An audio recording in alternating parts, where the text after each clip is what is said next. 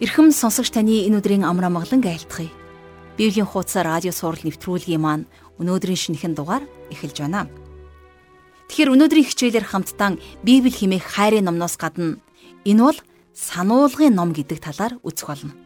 Маш олон Христ сэтгэлт хүн гим нүглээс болоод уналтанд орсныхон дараа өөрт нь хизээж сануулга өгч байгаагүй юм шиг аягалдаг. Харин Библи эхнээсээ бурхан хинбэ гэдгийг биднийг мөн хэрхэн хайрлахыг хүсдэг тухай биднийг юунаас хамгаалдаг тухай бичсэн байдаг. Иесус Христийг загалмай дээр хадагдан алагдах хүртэл тэр бүхий л арга хэмжээ авсан бурхан юунд тэгтлээ санаа зовсон юм бол ягаад гэхээр бид өөрсдөө түүний үг сургаалыг дагаж чадаагүй учраас л тэр юм. Ингээд жаргал агшин хичээлд анхаарлаа хандуулахын өмнө хамтдаа залбирцгаая.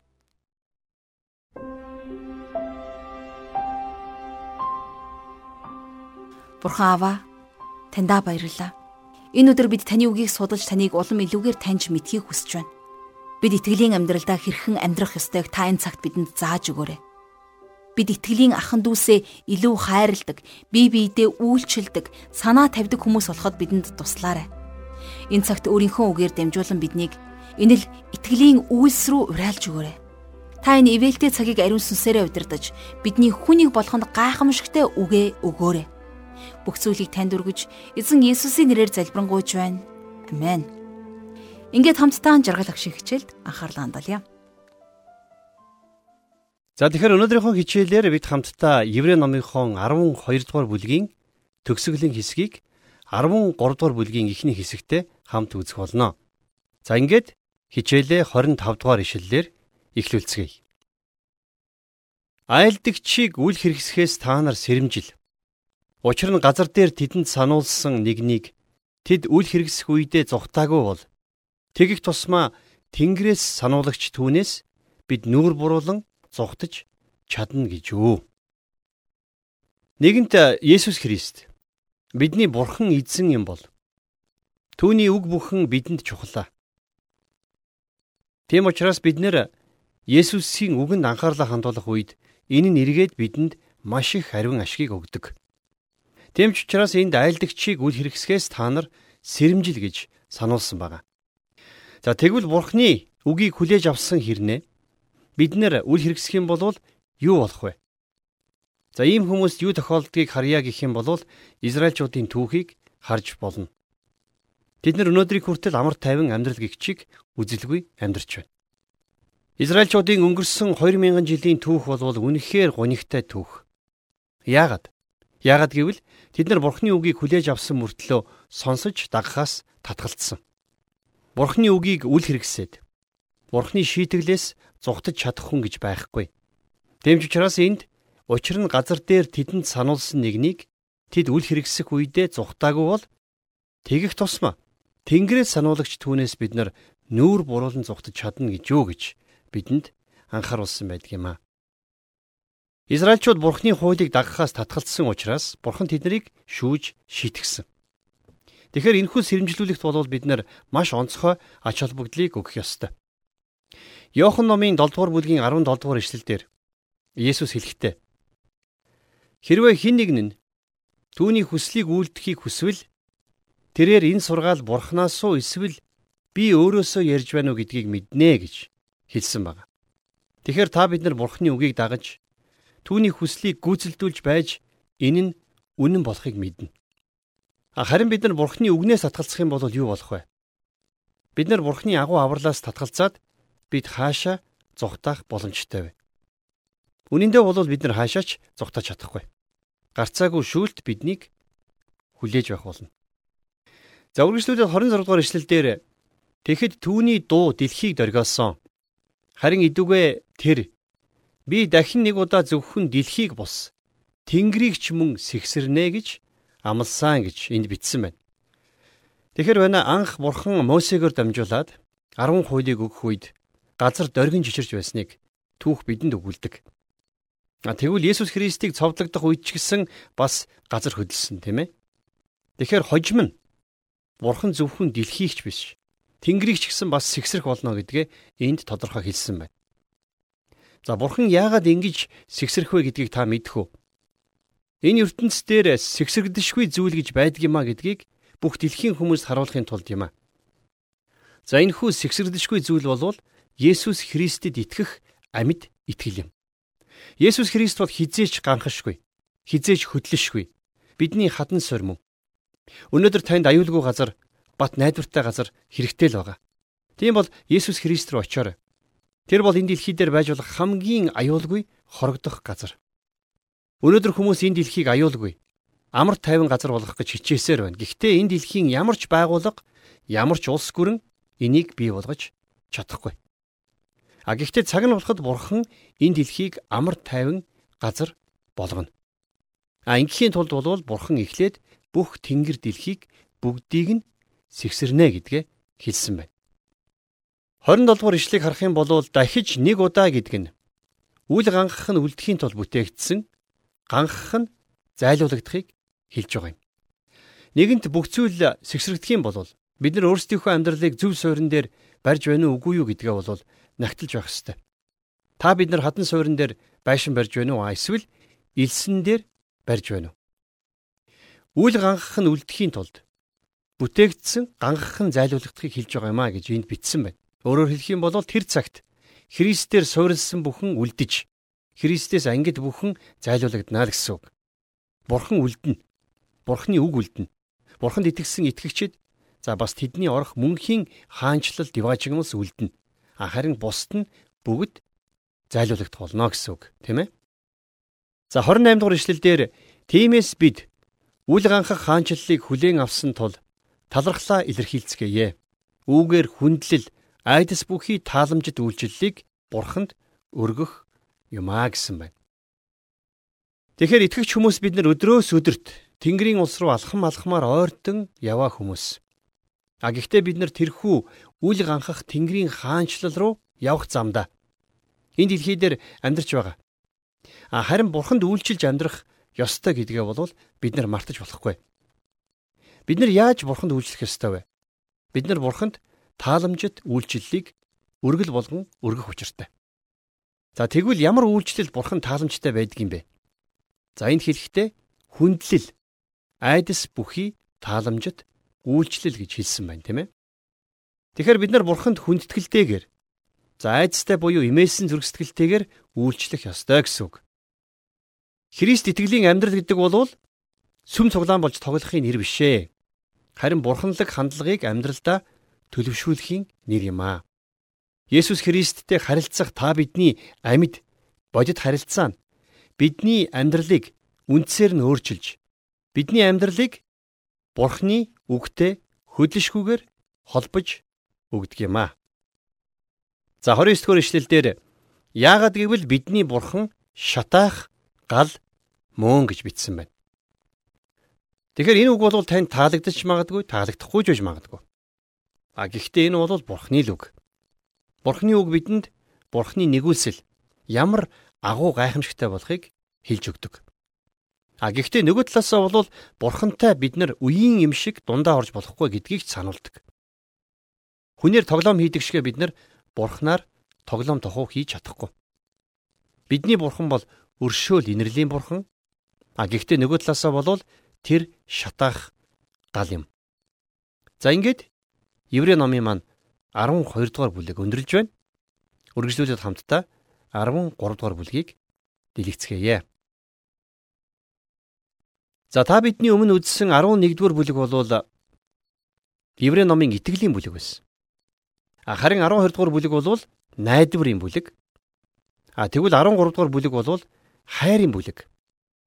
Ингэхдээ бидний одоо үзэх гэж байгаа энэ 13-р бүлэг дээр итгэгч та бидний итгэлийн үйл хэрэг чухам яг ямар байх ёстойг маш тодорхой заасан байдаг. Ингээд хамтдаа 13 дугаар бүлгийн 1-р ишлэлийг одоо уншийе. ах дүүсийн хайраа үргэлжлүүлье гэж энэ бүлэг эхэлж байна. Тэгэхэр байна. Еврей ном маань тухайн үеийн еврейн итгэгчдэд хандан бичигдсэн ч гэсэн өнөөдрийн та бид нар ч гэсэн бас хамаатай үгс энд олон байгаа. Еврей итгэгчид ч гэсэн за бас харь үндэстэн итгэгчид ч ялгаагүй тэд нар бүгд нэг бие. Тэд нар нэг бие рүү дуудагдсан.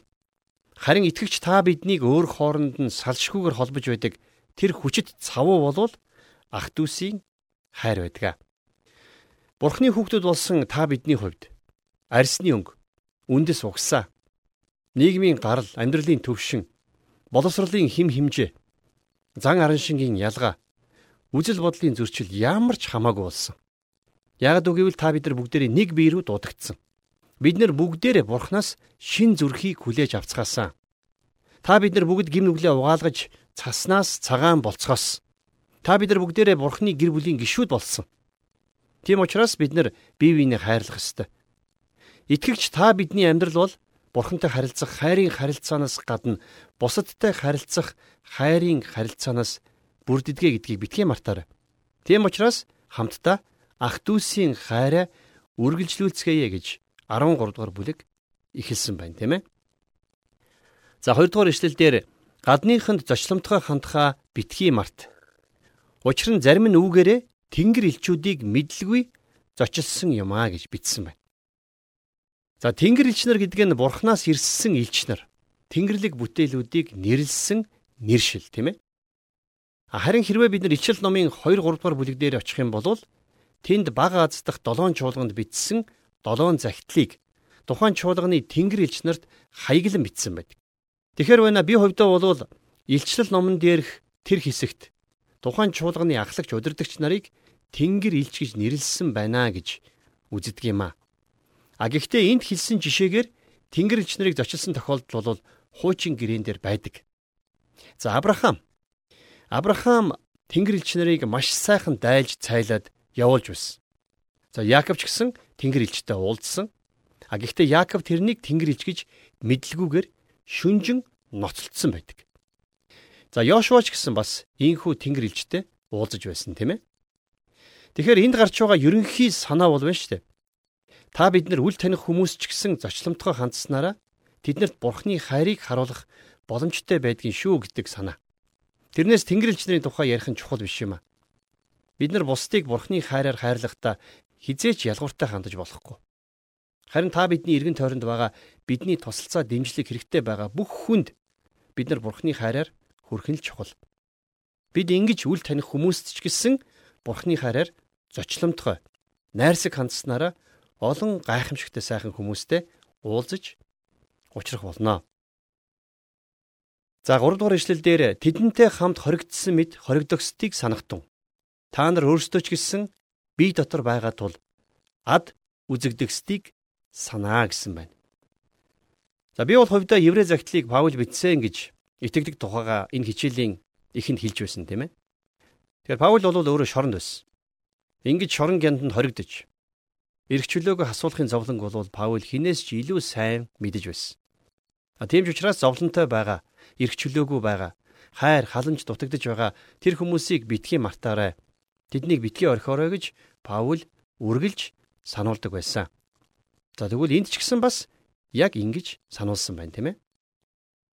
Тэгэхээр чуулган болвол нэг бие. Нэг гишүүн зов бол бүгд зовно. Тэм учраас та бид нар өвчтөе зовлонтой амьдралд нь хүнд хэцүү зүйлс тохиолдсон итгэлийн ахан дүүсийн зовлон хуваалцаж тэднэрт санаа тавьдаг байх нь маш чухал. Ядарсан үед нь бид нар бие бинийгээ тэнхрүүлдэг байх хэрэгтэй. Зарим цуглаанд ийм хандлага жаахан дутагдaltaй байна уу да гэж анзаардаг л да.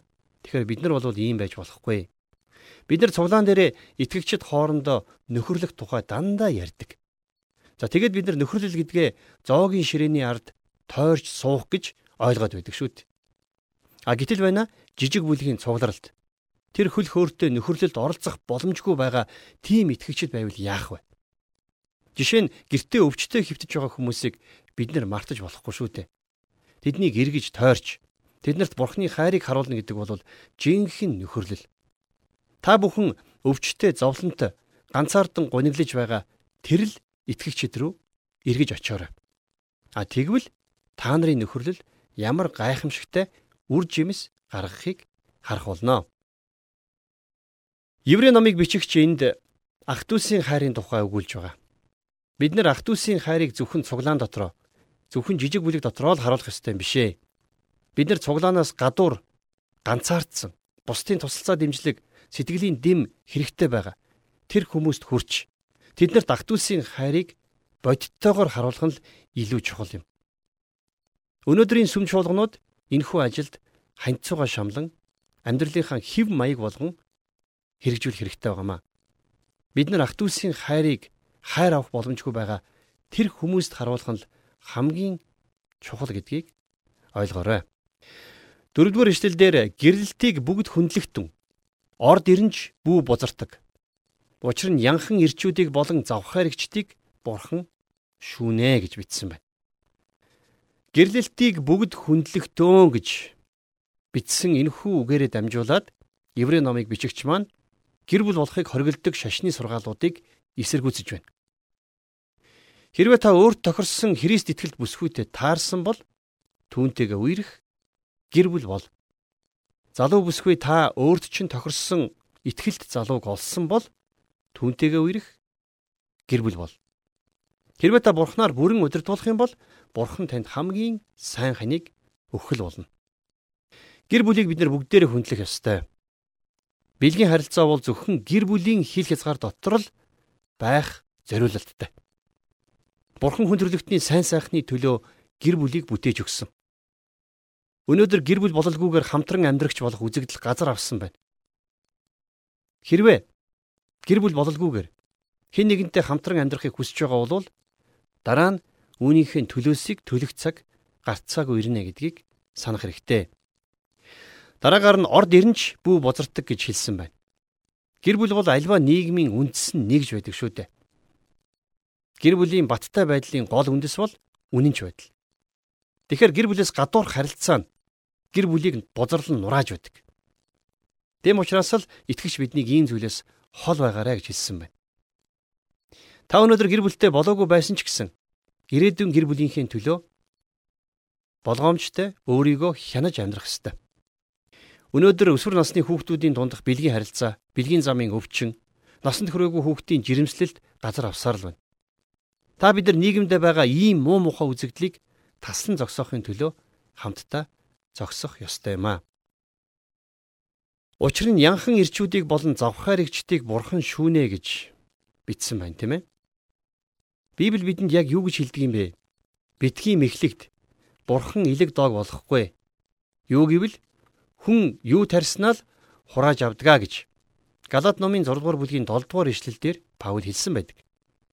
Үнэн дээр бид нар амьдралдаа юу тарин тэрнийг л хураана. Садар самун завхаарл холбогдсон хүмүүс ч гэсэн бас мөн тарснаа л хураана. Тийм учраас бид нар хүмүүсээс биш харин бурхнаас имэж ийм зүйлсээс хол явах ёстой. 5 дугаар ишлэлдэр байгаа юмдаа сэтгэл хангалуун байж амьдрал чинь мөнгийг хайрлахаас чөлөөтэй байгээ. Учир нь тэр өөрөө би чамайг хизээч орхихгүй мөн чамайг хаяхгүй гэж айлдсан. За итгэгч та бид нэр сувдаг шунхаа гэсэн нэр цол зүүх ёсгүй шүү. Мөнгөний төлөө хүн юу ч хийхээс буцахгүй. Мөнгийг эзэн бурхнаасаа дээгүүр тавьчихсан тийм хүмүүс байж болохгүй. Бурханд итгэлээгээд бурхан таныг тэр момтон болгоогүй байж болно. Гэхдээ бурхан таныг хизээч орхихгүй. Орчлон ертөнцийг бүтээсэн бурхан таныг хизээч орхихгүй. Тантай хамт байдгаа гэд бодохоор сайхан биш гэж юу? Та хинч байж болно. Та хаанч байж болно. Гэхдээ хэрвээ та Бурхны үгэнд итгэлээр хариу өгөх юм бол Бурхан таныг хизээч орхихгүй байна гэдгийг гарцаагүй та өөрөө олж мэдэх болно. Магадгүй бидний найз нөхөд биднийг орхино. Хамаатан садангууд маань биднийг хайна. Харин эзэн Есүс Христ хизээч биднийг орхихгүй. Тэр өөрийнхөө цусаар биднийг худалдаж авсан. Тэр өөрийнхөө цусаар, тэр өөрийнхөө амиар биднийг зольж авсан. Тийм үнтэй үн цэнийг төлсөн мөртлөө биднийг хайна гэж юу? Хизээч хаяхгүй. 6 дугаар эшлэлдэр тийм учраас бид зоригтойгоор эзэн миний туслагч би айхгүй. Хин надад юу хийж чадах вэ гэдгээ. Еврейчүүдэд хаягдсан энэхүү захидал бичигдснээс хойш ердөөсөө удалгүй тухайн үед Иерусалим, Юудэ, Самар даяар амьдарч байсан еврей итгэгчид маш их хавчлаг, зовлонг амсаж эхэлсэн байдаг. Энэхүү их хавчлаг зовлонгийн цагт тэд нар Бурхан юу ч болж байсан өөрсдийг нь орхихгүй гэдгийг марталгүй санаж байх нь чухал байсан юм. Тэд нар ийм аимшигтай хавчлаг зовлонгийн өмнө зоригтойгоор нүүр тулж эзэн миний туслагч би айхгүй хин надад юу хийж чадах вэ гэж хэлж чаддаг байх ёстой байсан. Үнэхээр итгэлийн амьдралдаа бид нар юу хийсийг үзэх билээ дээ. Та бидний хамгийн итгэж байсан хүмүүс ч биднийг орхиж явах цаг үе ирнэ. Та бидний амьдралд хүн хэцүү цаг ирэхэд олон хүмүүс биднээс нүүр буруулдаг. Хин хинбэ гэдэг тэрэл цагт танигддаг. Ёстой л зовх цагт жинхэнэ нөхрийн чанар харагдана гэдэг шиг тийм ээ. Харин тэр үед Есүс Христ та бидний жинхэнэ нөхөр байх болно. Яагад гэвэл тэр бидний хизээч орхихгүй. Есүс бидэнд туслахад хизээд бэлхэн байгаа.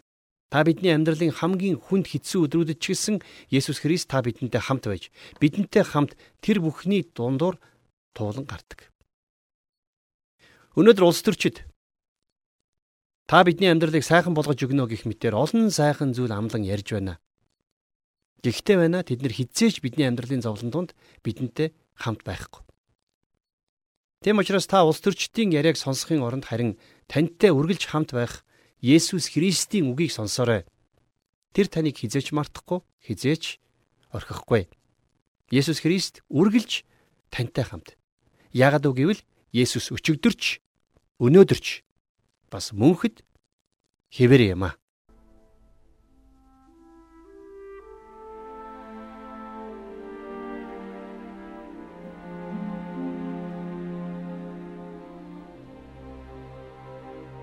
Тэгэхээр бурхан бидний амьдралыг сайн сайхан болгоно гээгүү. Харин энэ дэлхий ямар аимшигтай болохыг илчлэн хилээд өөрийнхөө Есүс Христэд итгэхийг уриалсан. Тиймээс Христ итгэгч бид итгэлийн амьдралдаа бурханы үгийг үл тоохоос сэрэмжилж амьдрах ёстой. Бид итгэлийн амьдралдаа ямар ч үед Есүсээс зуурч түүний дотор хорогдож гим нүгэл үйлдэн бүдрэх үедээ ч гэсэн чухамдаа хамгийн түрүүнд Есүс дээр иргэн ирж гимшдэг хүмүүс байх нь чухал юм. Бид итгэлийн амьдралдаа итгэлийн ахан дүүсээ хайрлаж, тэдэнд үйлчилж, тэднийг өөрсдөөсөө дээгүр гэж хүндэлж, тэгээд онцгойлоод сул дорой ганцаардсан, өвдөж, зовж, шаналж, инлэж байгаа тэдгээр хүмүүст анхаарлаа хандуулж, Есүсийн хайраар тэдэнд үйлчлэн амьдрах ёстой. Бидний өнөөдрийн хамтдаа судалсан хэсэг бол Еврей номын 12-ын 25 дугаар ишлэлээс 13 дугаар бүлгийн 6 дугаар ишлэл байлаа. Хамтдаа таны зүрх сэтгэл сийлэн үлдээсэн Бурхны үгийн төлөө түүний мэрэгэн зааварчилгааны төлөө талархал магтаалыг өргөж залбирая.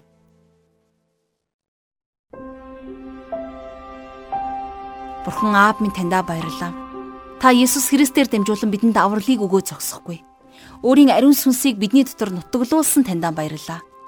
Бидний амьдралын ямар ч хором өчөд Та биднийг орхихгүй гэж амласан учраас баярлалаа аваа. Бид итгэлийн амьдралдаа ямар ч үед зөвхөн танаас зурж, таны үгийг шимтэн судалж, таны хүслийг даган амьдрдаг хүмүүс байхыг хүсэж байна.